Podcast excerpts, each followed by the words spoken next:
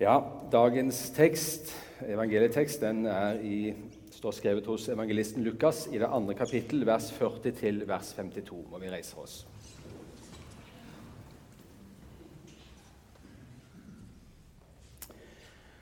Og gutten vokste og ble sterk, fylt av visdom, og Guds nåde var over ham. Hvert år pleide Jesu foreldre å dra til Jerusalem for å feire påske. Og Da han var blitt tolv år, så dro de som vanlig opp til høytiden.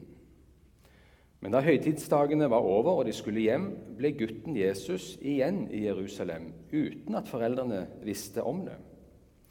De trodde han var med i reisefølget og gikk en dagsreise før de begynte å lete etter ham, blant slektninger og venner.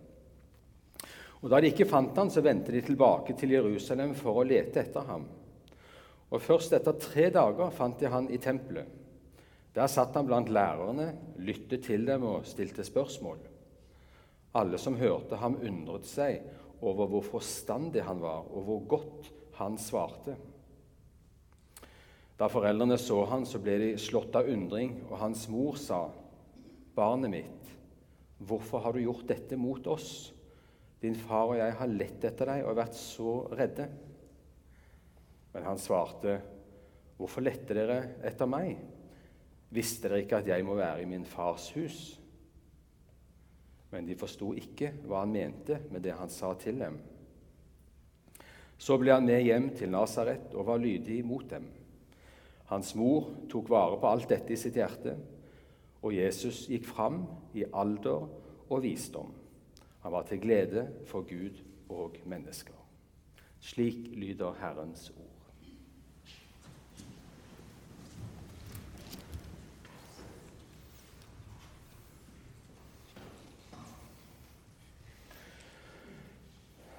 Ja, jeg nevnte innledningsvis i dag at det er Kristi åpenbaringsdag. Og Den historien vi nettopp hørte og leste fra Lukas evangeliet, den er jo unik. Det er jo kun Lukas som har denne ene historien fra Jesus sitt liv som barn og ungdom. Men den er fin, for den gir oss et innblikk i hvem Jesus er. For det er jo det vi trenger å forstå.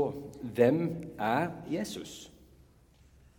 Og Hvis noen spør oss om akkurat det Hvem er Jesus? Hva svarer vi mennesker vi møter på da? Er vi beredt til å gi et klart og tydelig svar og kunne si jo, han er Guds sønn, og han er sann Gud og sant menneske? Hvem er han?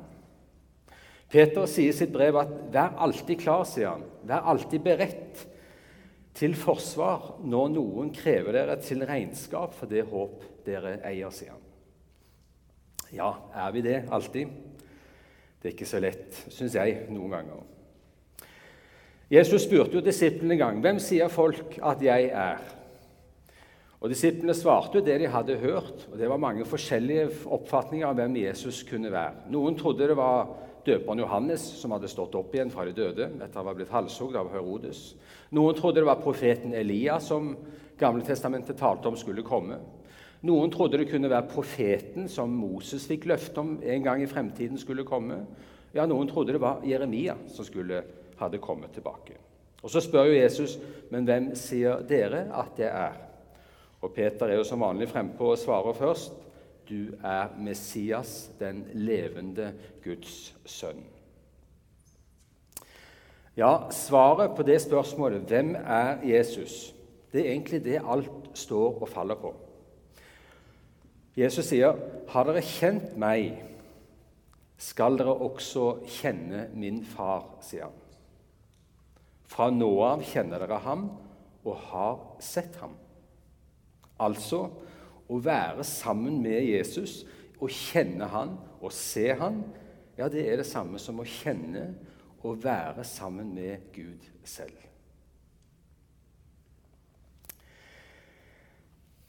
Det er svimlende tanker for oss eh, å ta inn over oss og Det som kanskje gjør det vanskelig å ta inn over oss disse ordene av Jesus, det er jo at han står jo foran oss som et sant menneske. I kjøtt og blod. Hvis vi går til historien, religions- og filosofihistorien, så er den full av tanker og ideer som egentlig fornekter, bortforklarer og umuliggjør tanken om at Gud ble menneske. På Jesu tid så var det en rådende oppfatning, denne såkalte gnostisismen, som mente at det materielle, det fysiske, det var noe ondt, og det åndelige var noe godt, det sjelelige. Derfor var det en umulighet at Gud kunne bli menneske og forene seg med menneskelig kjøtt. For jødene var det også en umulig tanke, og Jesus ble dømt for blasfemi. For muslimene så er det en umulig tanke, for de sier at Gud har ingen sønn. Men også i kirkehistorien så ser vi at dette bortforklares og omtolkes på den ene og den andre måten. Noen mente Jesus var Maria og Josef sin biologiske sønn, og så ble han utrustet med noen guddommelige egenskaper i voksen alder.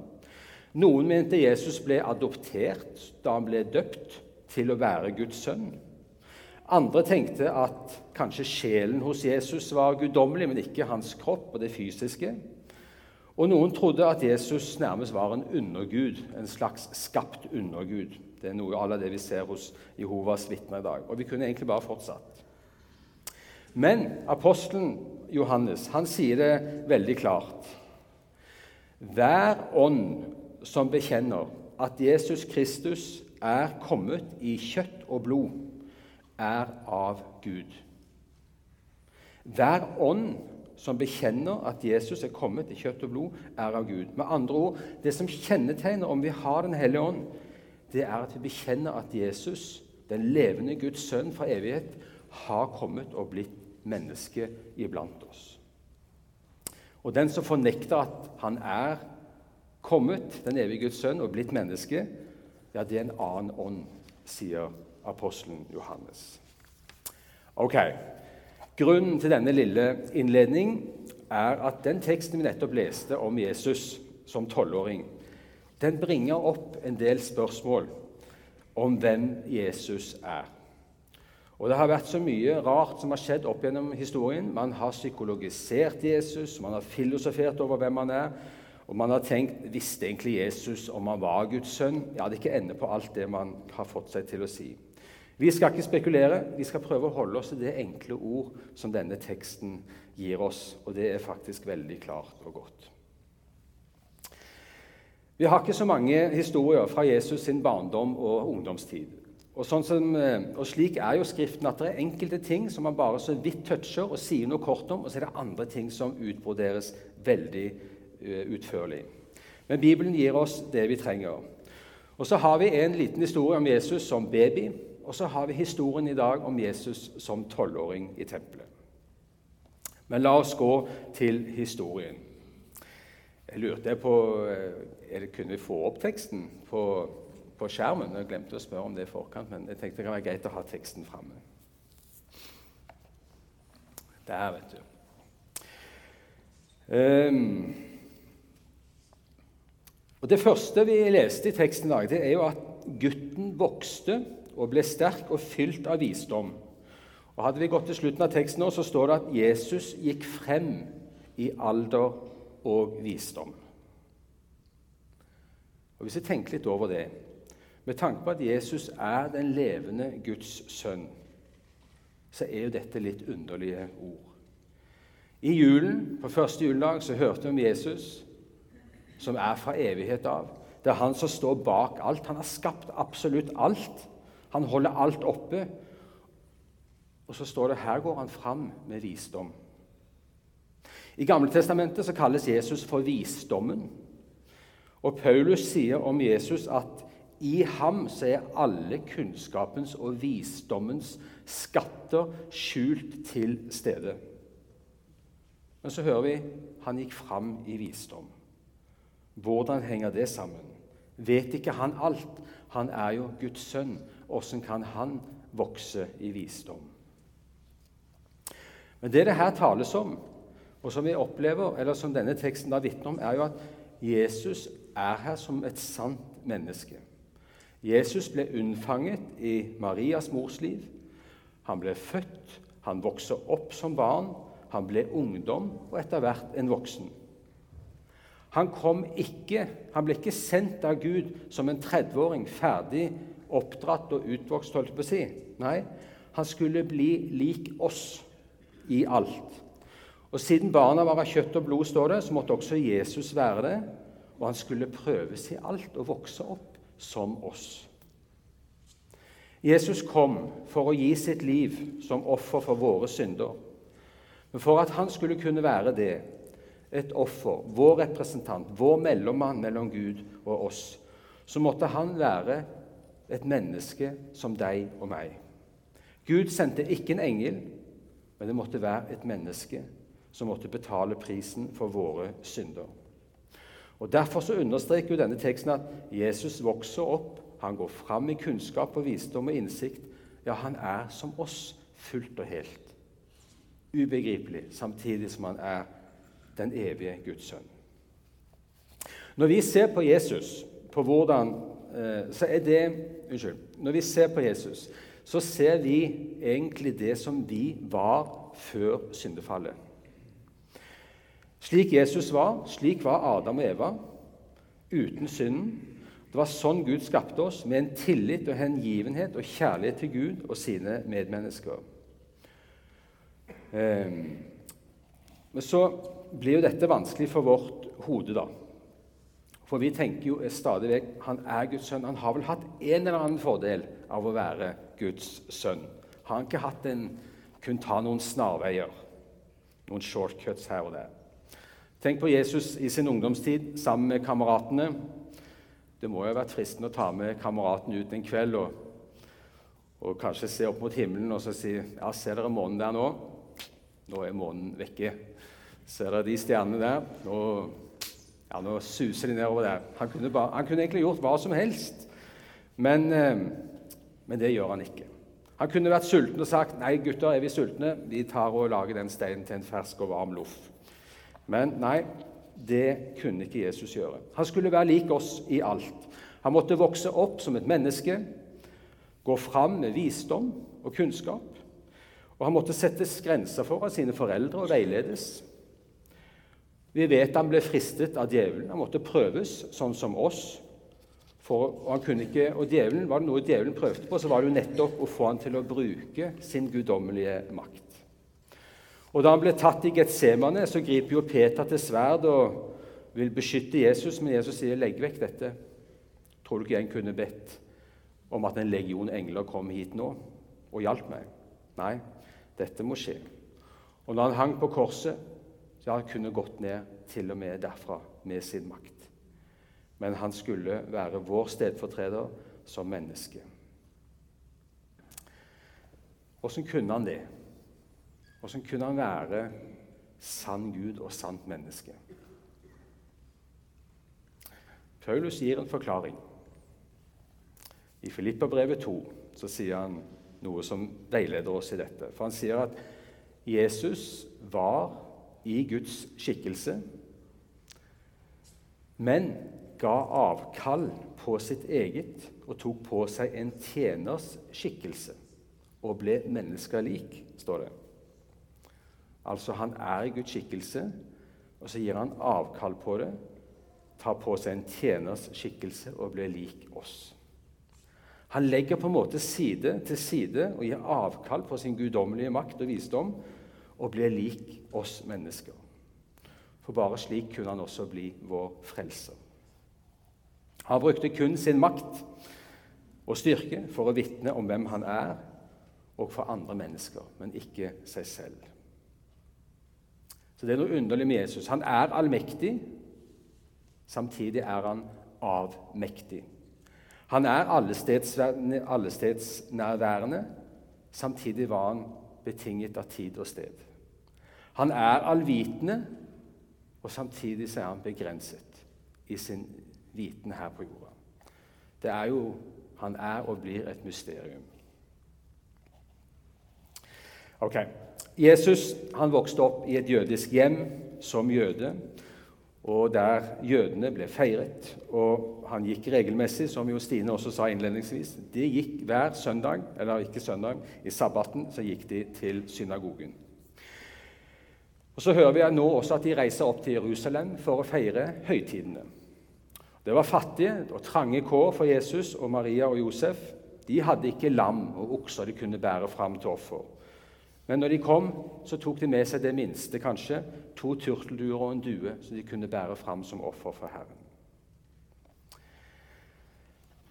Så er det høytid, og når det var påske, så regner man med at det kunne være opp mot flere, opp, godt over to millioner mennesker i Jerusalem og området der. Historieskrivere kan fortelle at man kunne gjerne slakte opp mot 250 000 lam til påskehøytiden. Hvis man da beregner ti personer per lam, så forteller det litt om hvor mange mennesker som var samlet til påskehøytiden. Men Maria og Josef da, de drar nå etter høytiden av gårde uten at Jesus er sammen med dem. Jeg tenker Det vitner jo noe om den tiden de lever i. De hadde lave skuldre. Vi hadde vel ikke turt å gjøre akkurat det i dag, men det var trygge rammer og omgivelser.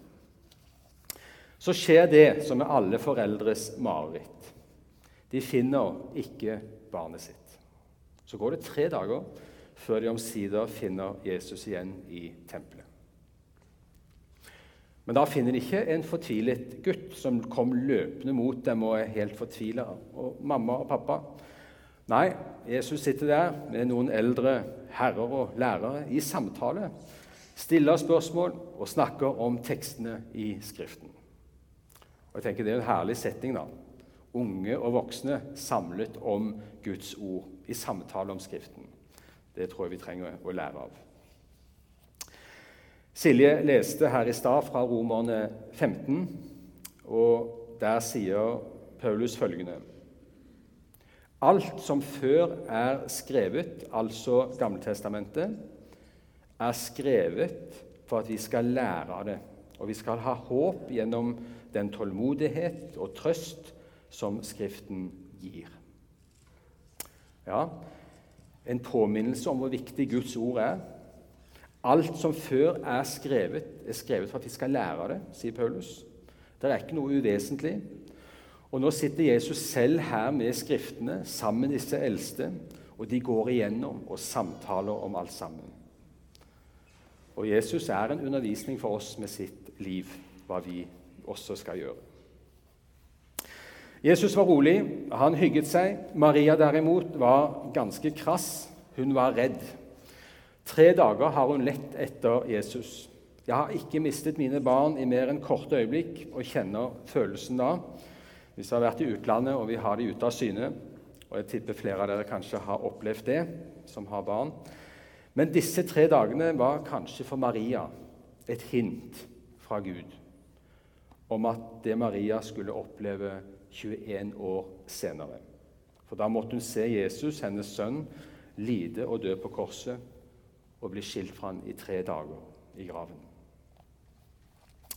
Det var et stort privilegium for Maria å være mor til Messias, Israels konge. Men det var også en byrde. Som mor til Messias måtte hun være vitne til å se sin sønn, sitt barn, som hun hadde født, ammet og oppdratt og fulgt gjennom barn og ungdom, og som voksen, lide og dø på korset. Og noe verre kan vel ikke en mor oppleve. Men nå viste det seg at denne gangen hadde hun bekymret seg uten grunn. Jesus er i tempelet sammen med de lærde, lytter og stiller spørsmål. Det kan nesten høres ut som han har sovet i tempelet, til og med. Og de er slått av undring. Uten sammenligning. Det må ha vært utrolig å være vitne til det som Jesus eh, pratet med disse voksne lederne og lærerne om. Det å oppleve barn med en levende tro jeg har selv opplevd det her på skolen. Snakket med barn her på skolen, barn og ungdom, om troen på Jesus. Og jeg må innrømme at noen barns kunnskap, tro, tillit til Jesus, den levende relasjonen de har med Jesus, den har satt meg ut noen ganger. Jeg kan ikke tenke meg noe mer nydelig enn å møte barn og ungdom som lever med Jesus, og elsker å lese og høre hans ord man merker at de kjenner Jesus. Det er ikke noe tillært, men det er virkelig et levende liv sammen med ham. Det syns jeg er nydelig. Her hører vi Jesus som ung gutt som setter de eldre ut av undring med sin levende tro. Hans tro og tillit til sin far og Skriften, det har gjort inntrykk. Og Jesus sitter i samtale med de lærde, og ikke usannsynlig var noen av disse med å dømme han til døden 21 år senere. Men her er det en åpen samtale. Og Jeg skulle gjerne vært flue på veggen og hørt. Hvordan forløp den samtalen seg? De sier at en dåre kan spørre mer enn ti vise kan svare, men Jesus var ingen dåre. Vi vet at samtalen Jesus hadde med fariseerne, at de ofte ble satt ut, og de ble nesten redde for å snakke med ham noen ganger. Ja, Det står at de turte ikke å spørre Jesus om noe på slutten. Spørsmålene Jesus må ha stilt, har vært slik at de både avslører Jesus sin egen innsikt og visdom, men kanskje også andre ting holdt jeg på å si, hos oss sjøl. Vi vet jo at de rette spørsmålene er avgjørende for at sannheten skal komme fram. Men hvordan reagerte Jesus da Maria anklaget ham? Jo, Jesus svarer med et spørsmål på ny, han. Og kanskje er det spørsmålet òg ganske avslørende. Hvorfor lette dere etter meg? Jesus er et barn som vokser i kunnskap og styrke som menneske, men han vet hvem han er. Han er Guds sønn. Visste dere ikke at jeg må være i min fars hus? Vi hører at det ligger en forventning hos Jesus om at de kanskje burde ha skjønt det. De har lett i tre dager, og tempelet er det siste stedet de går og sjekker. Hvorfor lette dere etter meg? Hadde Maria og Josef glemt hva Gabriel sa? Til Maria sa han, 'Du skal føde en sønn. Han skal kalles den høyeste sønn. Han skal være konge til evig tid.' Og til Josef sa Gabriel, 'Maria skal føde en sønn. Han skal hete Jesus, for han skal frelse sitt folk fra sine synder.' Treng, trengte de å være redd for noe i det hele tatt? De burde husket at han var Guds sønn, og kanskje ønsket å være sammen med sin far men de forsto ikke hva han mente, sto det. Så Maria og Josef de ser og skjønner ennå ikke fullt ut hvem deres egen sønn er. Så står det at Maria grunnet og tok vare på dette i sitt hjerte. Jeg tenker Maria hun er bare fantastisk. Hun er en dame som legger merke til ting som blir sagt. Og Selv om hun ikke skjønner det der og da, så gjemmer hun på disse ordene. Og så kommer hun til å forstå det senere. Og Det er jo slik Guds ord gjerne arbeider med enhver av oss. Vi skal legge merke til hva Gud sier, selv om vi ikke skjønner det nå. Men så vil vi skjønne det siden, når ordet får vokst i våre hjerter. Det var godt jordsmonn hos Maria for Guds ord. Husk Jesus sine ord. Det er ordet som skal vokse. Og Når vi tar vare på ordet, grunner på ordet, så er det det som vokser og åpner opp, så vi ser klarere. Og Vi ser jo at Maria har jo dette allerede som barn.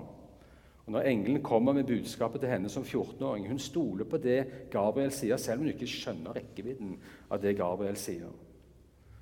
Og Vi kjenner flere av oss husker sikkert også lovsangen til Maria når hun møter Elisabeth. Lovsangen er en eneste lang triade med skriftord som hun har tatt vare på, med lovprisning til Herren.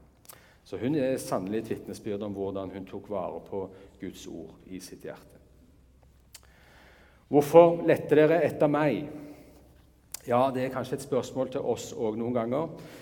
Vi kan innbille oss og tro at Jesus ikke er her. Han virker fjern, og han hører ikke når vi ber og søker ham. Men vi trenger ikke å lete etter Jesus. Paulus sier jo i Romerne 10 du trenger ikke å gå opp til himmelen for å hente Jesus ned. Du trenger ikke å gå ned i dødsriket for å hente han opp igjen. Nei, sier Paulus. Ordet er deg nær i din munn, sier han. Med andre ord Jesus er i sitt ord. Han er Ordet. Og når han er nær deg, når du nevner hans navn Og Det betyr at når vi har det vanskelig, utfordrende, vondt, er redde, urolige Hvor går vi og søker Gud? Jo, da skal vi gå til Ordet, til Bibelen, sier Skriften. Er det noe vi lurer på, gå dit. Det er en historie i Gammeltestamentet. I Salme 73 så hører vi om en kar som heter Asaf.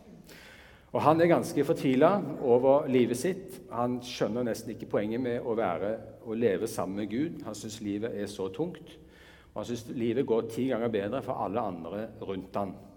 Og Han har nærmest lyst til å bare gi opp alt sammen.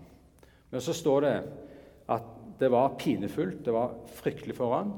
Men, sier han, helt til jeg gikk inn i Guds helligdom. Hvor var Jesus i dag? Han var i Guds helligdom. Med andre ord, han går til Ordet. Han gikk til Skriftene, og så fikk han plutselig noen svar, og så skjønte han ok, mine tanker hadde kanskje ikke vært helt riktige. Så fikk han en, et lys over livet sitt som ga han den fred og glede han trengte. Til slutt Jesus han var lydig. Hører dere det, barn? Det er kanskje ikke så mange barn her nå, men det er kanskje noen ungdommer. Jesus har selv vært ungdom, og han har gitt ethvert barn en ungdom et forbilde for hvordan de skal være mot sin far. Hedre sin far og sin mor. Han opponerte ikke, men var lydig. Så sto det at han var til glede for Gud og mennesker. Han var til glede for Gud. Det skjønner vi jo, for han gjorde sin fars vilje. Han elsket sin far i himmelen. Han elsket sine brødre og oss her på jorden. Men han var jo også til glede for mennesker, står det. Og jeg tenker noen ganger, Tenk å være sammen med et menneske som ikke har synd. 100% kjærlighet, omsorg, uten selvopptatthet, uten misunnelse, selvhevdelse, uten egoisme. Juksa ikke når han spilte spill, men var alltid vennlig og hensynsfull, omsorgsfull. Ikke noe krangling og det ene og det andre. Ha han som kamerat som ungdom, det må jo ha vært utrolig. Så selv om folk ikke visste og skjønte fullt ut hvem Jesus var, så er jeg ganske sikker på at de som var sammen med Jesus, de har merka noe helt spesielt. Ja, det var noen ord om Jesus som tolvåring. Det er en innholdsrik tekst, og jeg har delt noen av de tankene jeg hadde rundt den teksten i dag, og jeg er sikker på at flere av dere sikkert har mange andre tanker også til denne historien. Men den deler noen dype sannheter om Jesus, denne historien. Hvordan Jesus er sann Gud og sant menneske. Det er virkelig en tekst som åpenbarer for oss viktige sider ved Jesu person. La oss be. Gode Far, vi takker deg for ditt ord og denne historien. Vi takker deg for at vi har fått del i dette, og vi ber Herre om at vi virkelig må få se mer av hvem du er. Du er det største mysteriet av alle. I deg er all kunnskap og visdom til stede. Vil du, Herre, hjelpe oss å ta inn over oss og la oss se klarere hvilken herlighet det er du er for oss, hvilken velsignelse du er for oss, og hvilket håp du har gitt oss. I Jesu navn. Amen.